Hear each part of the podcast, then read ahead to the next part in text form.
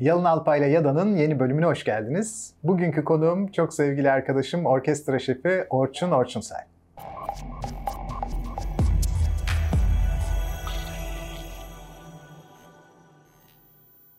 Orçun hoş geldin. Nasılsın? Hoş buldum. Sağ ol. Teşekkürler. Sen nasılsın? ben de çok iyiyim. Seni burada görmek beni çok mutlu etti. Benim Çünkü de öyle. Çok İstanbul'a çok sık gelmiyorsun. Yani kendin İstanbullu olmana rağmen. Evet. E, genellikle buraya orkestra şefliğinle ilgili pozisyonlarınla ilgili geliyorsun tabii. Evet. Seni arada yakalamış olmak mutluluk verici. Ben de çok mutlu oldum. Çok teşekkür ederim. Ben Güzel teşekkür ederim Orçun. için. Şimdi seni zaten çoğu kişi tanıyor ama yine de çok kısa senden e, senle ilgili bazı bilgileri hatırlatmak istiyorum. Çünkü sürreal bir geçmişin var.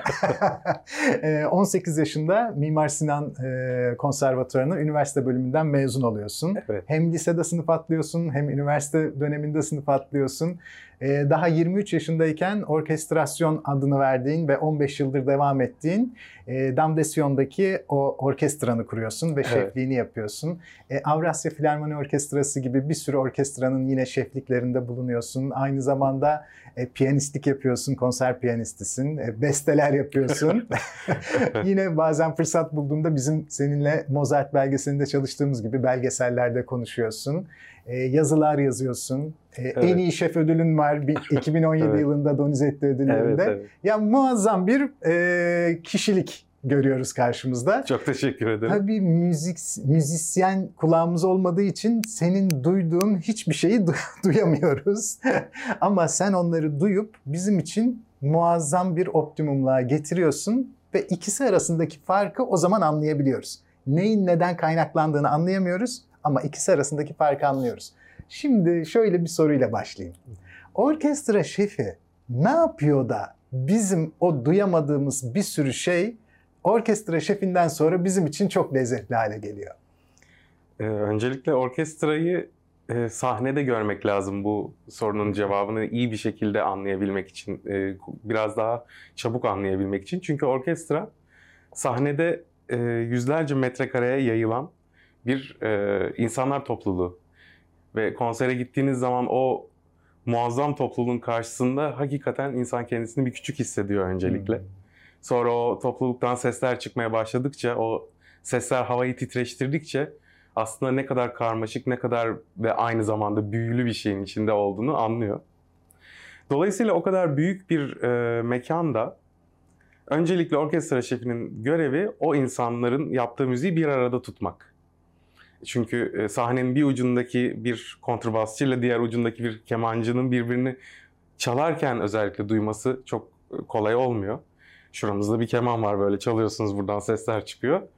Ee, aynı zamanda tabii onlarca farklı e, enstrümanın partilerini de aynı anda duyuyorsunuz bununla beraber. Bir yandan kendi çalacağınız şeyle uğraşıyorsunuz. Tabii e, orkestrayı öncelikle bir arada tutmak çok kolay olmuyor bu yüzden.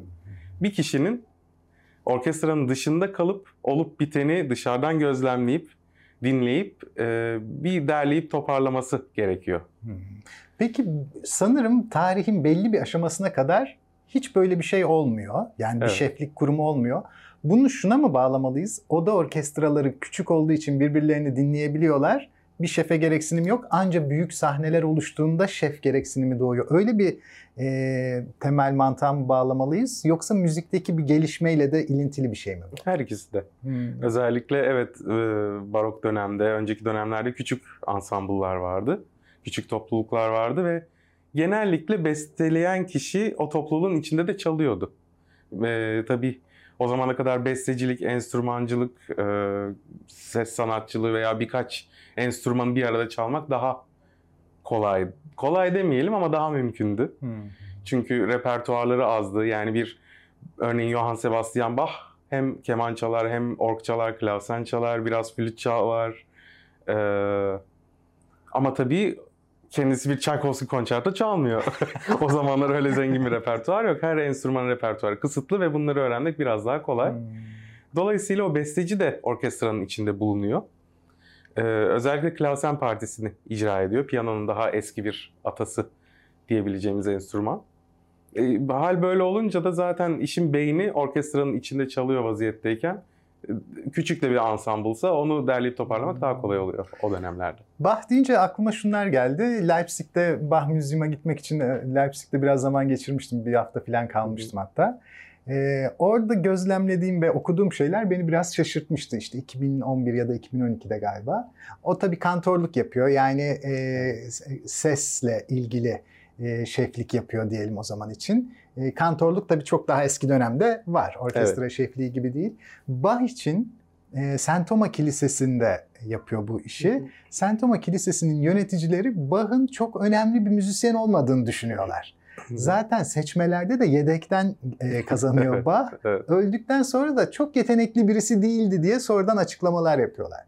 Nasıl, nasıl oluyor da müzisyenliğin bu kadar üst seviyesindeki bir kişi kendi döneminde bu kadar anlaşılamaz oluyor?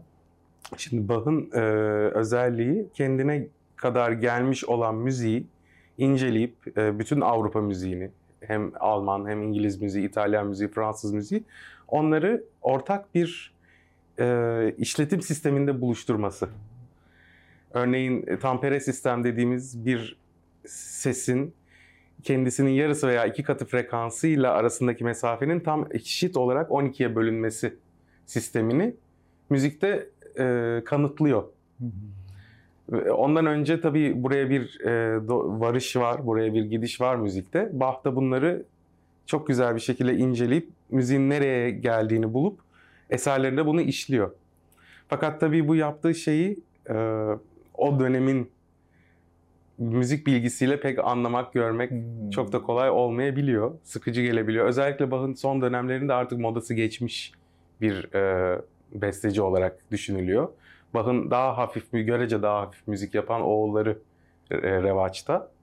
Ve hani e, evet hani çok yaşlandı bir kenarda ölmesi bekleniyor gibi bir durum var aslında. Çok enteresan. Hatta Bach kendi isminin harflerine e, onları birer akor olarak da e, besteler yapıyor. Yani e, her harfin bir nota karşılığı evet, var. Evet, evet. Kendi ismine göre e, besteler yapabilen birisi. Matematiksel olarak bayağı bu iş üzerinde kafa yormuş birisi. Yani müzikle evet. matematiği bayağı birleştiriyor anladığım kadarıyla. Peki bir orkestra şefi orkestrasıyla baş başa kaldığında matematiksel mi düşünüyor yoksa iç güdüsel şeyler mi düşünüyor? Matematiksel bütün o teknik bilgileri özümsemiş olması gerekiyor bir şefin. Bunu daha öğrencilik yıllarında e, nasıl biz konuşurken özne yüklem tümleç edat düşünmüyorsak, evet. konuşuyorsak böyle içselleştirmiş olması gerekiyor. Ve buna göre e, bestecilerin eserlerini inceleyip bir çıkarımda bulunup bunu orkestraya geçirmesi gerekiyor. Hmm. Çünkü orkestrada farklı ekollerden, farklı stillerden pek çok insan bir arada. Ve herkesin kendine göre farklı doğruları var. Farklı zevkleri var, farklı lezzetleri var. Kendi e, bazı bedensel kolaylıklarına göre geliştirdikleri virtüözlükleri var.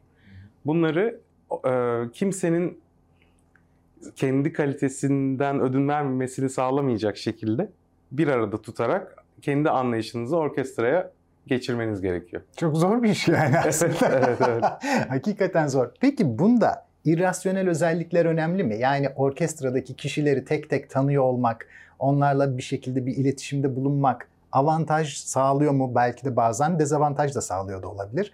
Tabii. O önemli bir şey mi? Şundan soruyorum. Sen serbest bir şeflik yürüttüğün için sıkça başka orkestralarla eşleniyorsun.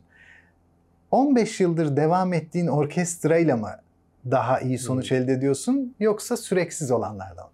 Şöyle anlatabilirim. Bir havuz var, müzisyen havuzu ve burada e, orkestra içinde yer alan, orkestracı tırnak içinde olan arkadaşlarım az çok belli. Bütün orkestralarda da çalıyorlar. evet. Ama elbette tanımadığım da pek çok arkadaşımız var. Ama e, çoğunlukla %50-50 tanıdıklar oluyor orkestrada. Peki tanımak avantaj mı, dezavantaj mı ya da nötr bir şey mi?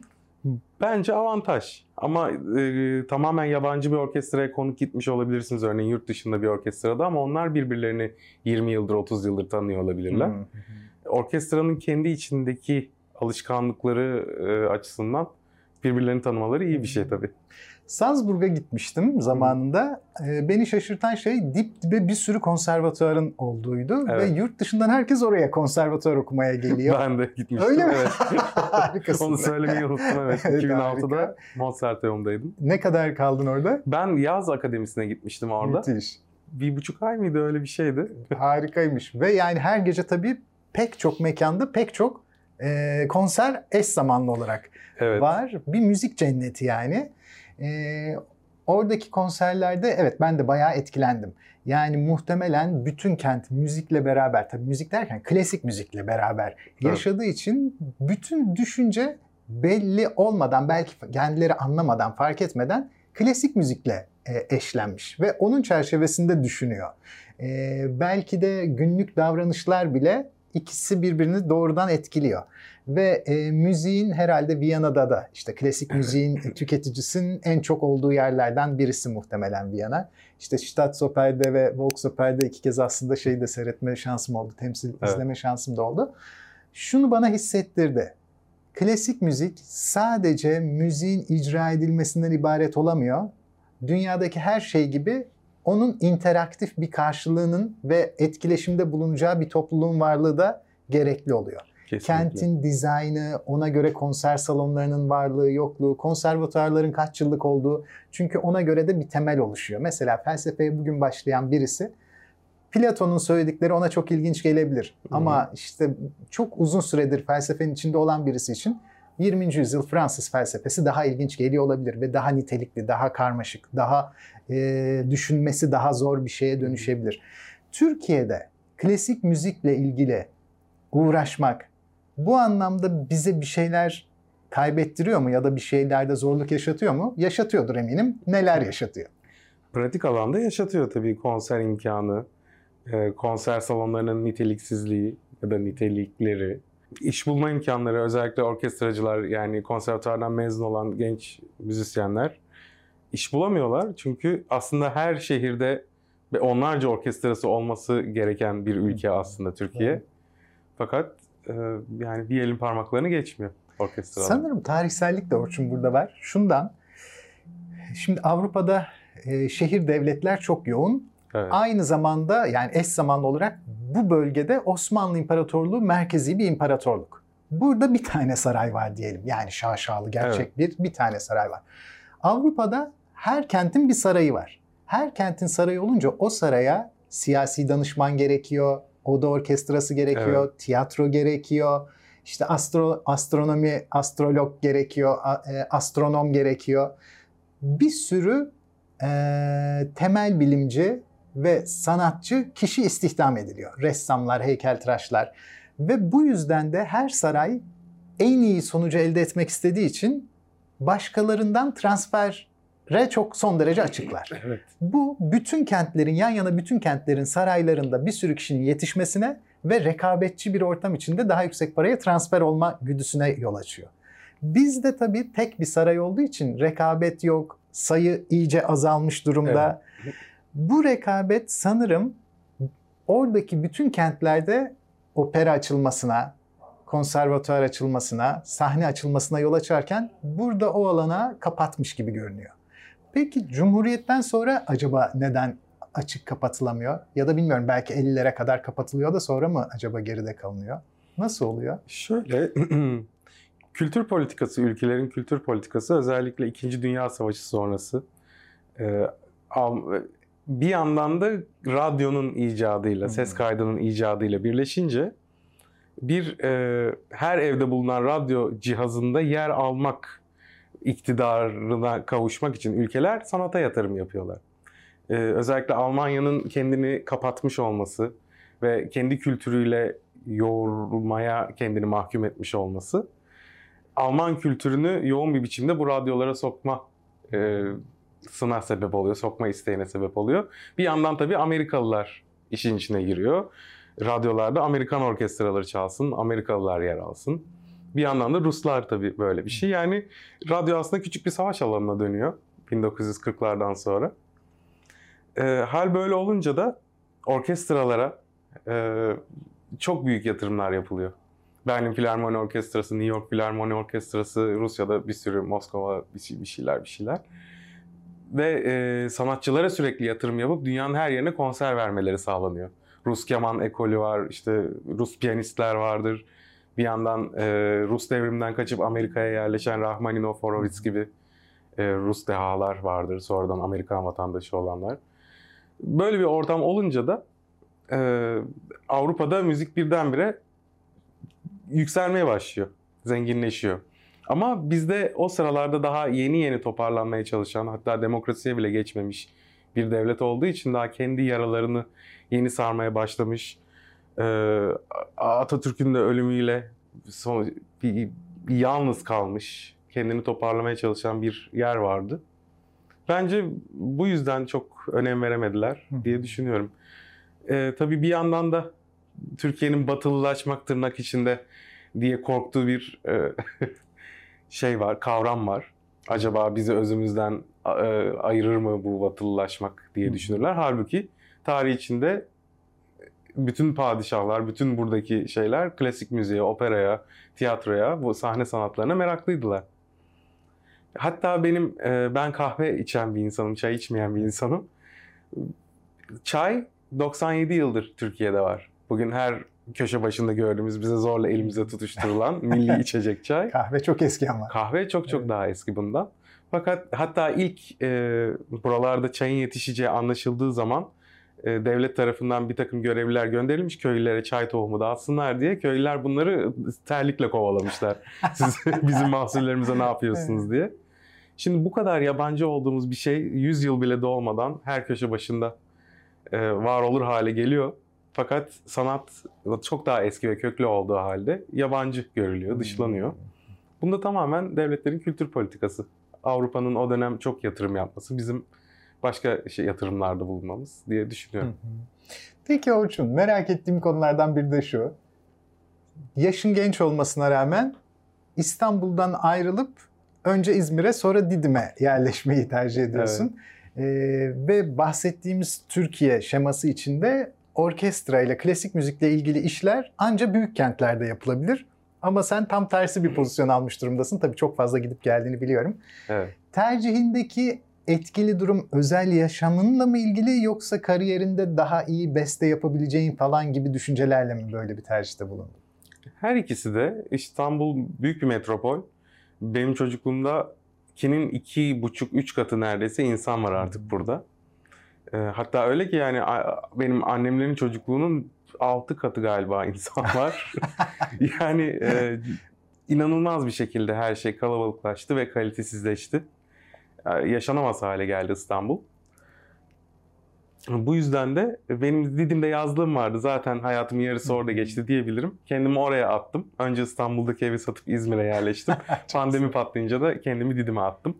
Orada tabii ki çalışma ortamı, sessiz, huzur, temiz hava insana çok katkı sağlıyor. Sosyal yaşamın nasıl orada? Fena sayılmaz ama çok da fazla insanlara vakit ayırabildiğimi söyleyemem. Hem bir yandan bestecilik var, bilgisayar başında nota yazıyorum. Hmm. Piyano başında sürekli bir sporcu gibi egzersiz yapmak gerekiyor. Bir yandan da orkestra şefliği dediğiniz zaman zaten dört provada çıkar bir konser. Hmm. İnsanın bir haftasını bir konser alıyor koşturmacası. Pek vakit kalmıyor sosyalleşmeye diyebilirim. Peki önümüzdeki yıllar için bir düşüncen var mı? Yani yurt dışında belli bağlantılar kurmak istiyor musun veya İstanbul'da yeni bir oluşumda bulunacak mısın? Damdesyon 15 yıldır zaten devam ediyor. Çok Evet. oturmuş bir yer. Çok da sık konserleriniz oluyor hakikaten. Ee, yeni bir oluşum olacak mı yoksa hali hazırdakileri öyle koruyarak mı devam edeceksin? Şimdilik e, belki daha ses kaydına yönelebilirim diye düşünüyorum. E, hem piyanist olarak hem şef olarak stüdyoda kayıtlar yapmak. Ama onun dışında bizim e, bir de Damdasyon'un e, uluslararası piyano yarışması var. 10 yıldır devam ettirdiği. Bu yıl beşincisi gerçekleşecek. Onunla beraber e, belki yurt dışında başka orkestralarla ortaklık kurulabilir. Öyle planlarımız olabilir. E, onun dışında ben zaten her yerde festivallere katılıyorum yurt içinde, yurt dışında. Hem piyanist olarak hem şef olarak. Böyle bir koşturmacanın içinde yeni bir şey pek düşünemiyorum açıkçası. Öyle mi? Ha, devam ettireceksin yani. evet. Daha önceden yapılmış kurguya devam. Orçun şimdi Spotify sayesinde tabii çok fazla şarkıya, daha önce erişemediğimiz şarkıya, kayıtlara erişme şansı bulduk. Ben de son dönemler, son dönem dedim aslında son 5 yıldır falan şöyle bir şey yapıyorum. Zaman zaman bir konuya çalıştığımda onunla ilgili bir yazıyı işte e, anahtar kelimeleri Spotify'a yazıp oradan bir şeyler bulmaya çalışıyorum. Ressam Francis Bacon üzerine bir şey yazmaya karar vermiştim birkaç yıl önce. Hmm. Tesadüfen dedim ki acaba ressam ressam olanın ama felsefecin değil, ressam olanın üzerine bir şey yapılmış mıdır? Bir baktım iki ya da üç albüm buldum. Hmm. İki tanesini özellikle çok sık dinliyorum. Ee, tabii ki yine klasik müziğe göndermeler yapıyor ama bizim bildiğimiz Bach, Mozart gibi bir klasik müzik değil. Ee, daha bambaşka bir yorumla e, her şeyi tutuyor. O zamanlar şunu düşünmeye başladım. Klasik müziğin baya bir evrilebilme kapasitesi varken yine de günümüzde en çok Mozart, Bach, işte Rahmaninov, işte Brahms gibi hani bildiğimiz e, Schubert gibi bildiğimiz böyle artık kafamıza kazınmış isimler daha e, fazla dinleniyor hala. Evet. Klasik müzik sence evrilme kapasitesini sürdürüp kendisini taşımaya devam edecek ve başka isimler çıkaracak mı? Yoksa bu kökenlere bağlılık klasik müziğin kendi yapısından mı kaynaklanıyor? Ee, hem kendi yapısından ama gene insanların bakış açısının dayattığı bir yapaylık da var açıkçası. Ee, özellikle 20. yüzyılın başında insanlık büyük bir ölçme takıntısına girdi. E, modernizmin 20. yüzyıl ayağında. Ve her şeyin sanki bir öncekinden biraz daha yüksekte, biraz daha fazla olması gerektiğine dair bir e, kanı oluştu. Bu olmadığında da o eser, e, içinde az materyal bulunan eser daha geri sayıldı. Böylece hep böyle üstüne eklemlenen bir yapıyla müziği geliştirdiler. Fakat e, artık insanlığın evrilerek oturttuğu tonalite sistemi, yüz, binlerce yıllık bir geçmişi, köklü geçmişi olan tonalite sistemi artık modernist bakış açısıyla yapay bir şekilde kırılınca e, artık daha uyumsuz seslerden de kompozisyonlar yapmalıyız fikri gelişen, gelişmesiyle bu kırıldı. Daha karmaşık haller almaya başladı eserler ve e, insanın evrimine ters bir yönde ilerlemeye başladı. Kulağın alışkanlıklarına ters bir şekilde ilerlemeye başladı. Dinlemeyi zorlaştırdı, algılamayı zorlaştırdı. Zaten o saydığımız Mozart'lar, Beethoven'lar, Brahms'lar da bir seyirciden emek isteyen, dinleyenden emek isteyen eserlerdir. Her e, güzel eserde olduğu gibi.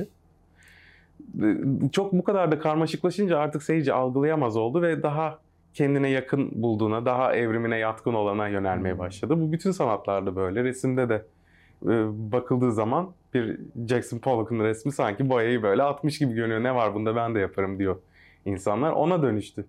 Hatta Schönberg'le ilgili espriler vardır. Piyanoda kedi mi yürüyor yoksa Schönberg bir eseri mi diye. evet. O, o dönemde bile bu eleştiriler yapılmış. Şimdi aklıma şöyle bir şey geldi Pollock deyince. Pollock'un keşfedilmesi aslında çok böyle tesadüflerin üst üste e, binmesiyle oluyor. E, Peggy Guggenheim koleksiyoner ve bugünkü Guggenheim Müzesi'nin temelini oluşturan koleksiyoner. Amerikalı. Babası Titanic faciasında vefat edince bütün miras evet. Guggenheim'a kalıyor. Peggy Guggenheim'a. O da bohem bir yaşam sürmek istediği için 20'li yaşlarının başında Paris'e geliyor. Ve e, New York'tan taşınıyor Paris'e. Birkaç yıl orada geçiriyor. Sonra Londra'da bir sanat müzesi kurayım diye düşünmeye başlıyor.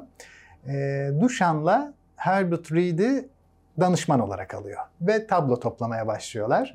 Sonra tekrar Hitler olayı ortaya çıkınca bir daha Fransa'ya dönüyor. Fransa'da ne bulduysa alıyor çünkü bütün Fransız gerçeküstücüleri de Amerika'ya taşınmak istiyorlar savaş yüzünden. E, Vichy hükümeti kurulmadan önce, işgal edilmeden iki hafta önce Peggy topladığı bütün tablolarla beraber New York'a dönüyor hmm. ve yanında Duchamp'la Piet Mondrian'ı getiriyor. Mondrian biliyorsun o da çok ünlü bir Hollandalı şey, ressam. Kendisine ufak bir e, galeri açıyor New York'ta. E, bütün New York entelijansiyası oraya üşüşmüş durumda. Bir sergi açacaklar. Sergi yine Peggy'nin koleksiyonundan. Mondrian bir resme takılmış durumda. Peggy de yanına gelip bakıyor. Resim Peggy'nin pek hoşuna gitmiyor. E, Peggy diyor ki Piet kusura bakma bu kadar denetlememize rağmen nasıl olmuş da bu resim buraya gelmiş? Mondrian da diyor ki hayır olağanüstü bir resim. Resim Pollock e, ve ilk defa o zaman Mondrian sayesinde e, sergileniyor. Sonra da Peggy'ye o kadar övüyor ki Peggy Pollock'a bir sergi açıyor. Ne, ne yazık ki hiçbir resmi satılmayacak o sergide. Şu an 140 milyon dolar civarında evet, biliyorsun. Evet. Şimdi Pollock'un soyut dışa vurumcu o biliyorsun. Soyut dışa vurumculuğunun gerçekleşme anının tesadüflüğünü söyleyeceğim şimdi de. Yani şu ana kadar Titanic'in batması, Peggy'nin Fransa'ya gelmesi, Duchamp ve Mondrian'la tanışması, savaşın çıkması, onların New York'ta Peggy ile beraber gelmeleri sonucunda Pollock varlığını ortaya koyabiliyor. Evet. Çünkü çok şey e, periferide bir karakter yani önemsiz birisi o zamana kadar. Bir köşk alıyor Peggy. Köşkün içine 6 metreye 2,5 metrelik bir tablo istiyor. Pollock'a yaptıracak. Pollock da alkol sorunları olan ciddi e, hasarlı bir evet. psikolojiye sahip. 6 ay boyunca hiçbir şey yapmıyor Pollock. Yapmıyor, yapmıyor, yapmıyor. En son Peggy artık diyor ki yani seni atacağız. Ya yap ya yapma. Pollock'un bir gecesi kaldığı için o gece akıtma tekniği deniyor bugün Pollock'un evet. yaptığına. O kadar büyük bir tabloyu boyayamayacağı için ona bir çözüm bulması gerekiyor. Mural diye geçiyor şimdi o tablo. Duvar resmi herhalde Türkçesi duvar resmi. Ee, sopalarla fırlatıyor, işte boyaları döküyor, elleriyle karıştırıyor filan. Ve e, resmi çok beğeniyorlar. Sonra Clement Greenberg köşke geldiğinde ki dönemin Amerikalı en büyük sanat eleştirmeni Peggy'ye diyecek ki ya bu olağanüstü bir şey. Ben daha önce böyle bir resim görmedim. Böylece soyut dışa vurumculuk adı verilen şey o gece bir sürü tesadüfün peş peşe gelmesiyle ve en son Pollock'un alkolizm nedeniyle çalışmayı hep ertelemesinden ve fiziksel olarak o kadar büyük bir tablonun akıtma tekniği dışında yapılamayacak olmasından kaynaklanıyor. Ve şöyle bir şey, şimdi müzikle bağlayacağım bunu. Pollock'un getirdiği bu teknik ilginç bir kırılma yaşatıyor bize. O zamana kadar gerçeküstücülük dahi dışarıdaki bir temsilin resmin içinde yer alması. Diyelim Dali'nin erimiş saatlerini düşünelim. O saat hala saat. Evet. İnce bacaklı filleri düşünelim. Fili tanıyabiliyoruz. Hala fil o fil. Pollock'ta dışarıya hiçbir gönderme yok. Pollock'ta artık dıştan benzetebileceğimiz temsil olan hiçbir şey yok. Her şey Pollock'un zihninin içindeymiş gibi algılanıyor. Aslında başka nedenlerden kaynaklanıyor ama yorum bu tarafa doğru gidince Hı. o bir akıma dönüşüyor. Şimdi müzikte de atonalite ortaya çıktığında sanki işte diyelim ki Vivaldi dört mevsimi hedeflemiş. Ona bir şey yazıyor. Diğerleri ilahi yazıyorlar. Hep evet. bir temsile doğru yönelme var. Atonalite'de Pollock'un resmi gibi bir şeye artık yönelme yok. Bir şeyin temsili değil. Neyin temsili? Kendi kendisinin. Kendi kendisinin dışında bir şeye gönderme yapmıyor. Şimdi sorum şu. Eğer bir sanat yapıtı başka bir nesnenin, olgunun, kavramın temsiline soyunmamışsa ikincil olmaktan çıkıp birincil olmaz mı? Yani sadece kendi kendine referans veriyorsa o şeyin kendinde değerinin daha yüksek olduğuna acaba e, düşünce geliştirmemiz mümkün olabilir mi? Sanki arı bir müzik artık o veya resimse arı bir resim. Bir öyküleme değil. Sanat eserinin kendisi direkt resmin kendisi. Atonalitede de böyle bir şey mi oluyor? Tabii şuna katılıyorum ben de dinlemiyorum. yani onun yüksek bir form olması ihtimal dahilinde masanın üstünde. Hı hı. Ama bana huzur, işte dinginlik veya bazı olumlu duygular, bazen de hani melankoli gibi yarı olumlu duygular da vermiyor. Bir iticilik ve evet. baş ağrısı veriyor yani daha çok. Sence arı bir sanat ürününe mi dönüşüyor?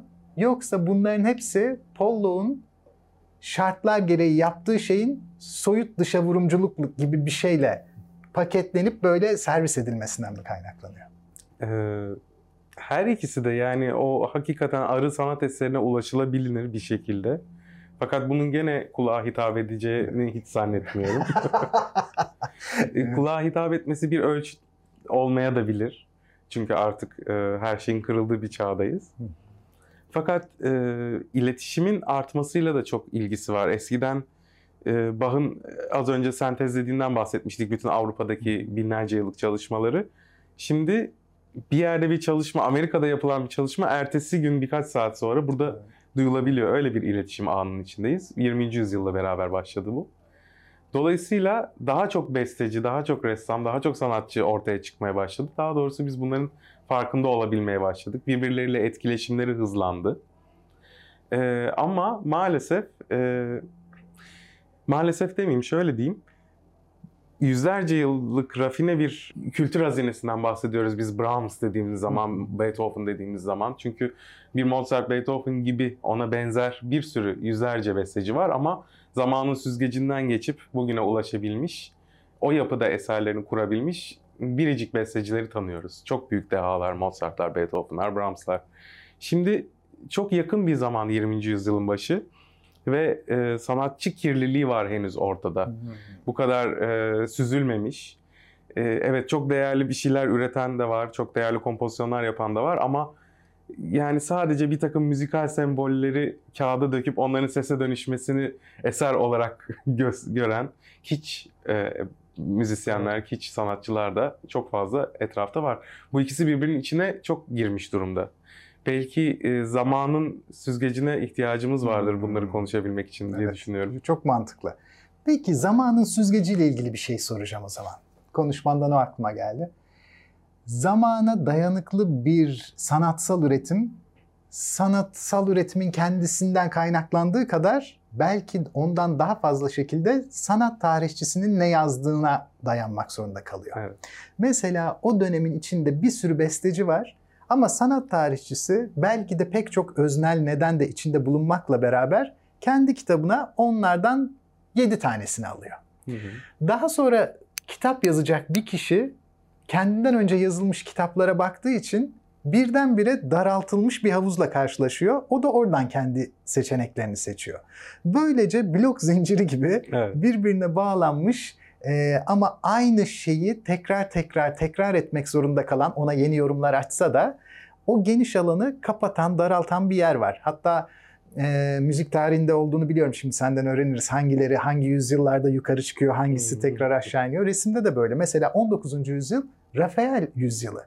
Bugün Leonardo yani Evet. Rönesans'a Evet. bakıldığında. Çünkü Mona Lisa 1900'lerin başında çalınıyor Louvre'dan. Birkaç yıl sonra bulunuyor. Bir sansasyon oluşuyor. Leonardo çok konuşulunca birdenbire Leonardo Rafael'i geride bırakıyor. Tabii estetik değerlerin değişmesinin de nedeni var. Rafael çok daha gerçekçi çizimler yaparken Leonardo daha yorumları olan ve e, paradigma kıran bir yerde. Rafael kırılmış paradigmanın üzerine bir şeyler eklediği için daha avantajlı görünüyor tabii ki. Ama asıl kıran tarihsel olarak daha kıymetli tabii ki. Leonardo 20. yüzyılda mesela değişiyor şeyi. Muhtemelen müzikte de böyle şeyler var. Hı. Aslında tek tük olduklarını da biliyorum yani. Hem de en Evet. ünlüleri yani. Tabii. Ee, burada sanat tarihçisinin gözden kaçırdığı veya öznel veya kendince nesnel nedenlerden dolayı dışladıkları büyük bir aslında potansiyel taşıyor.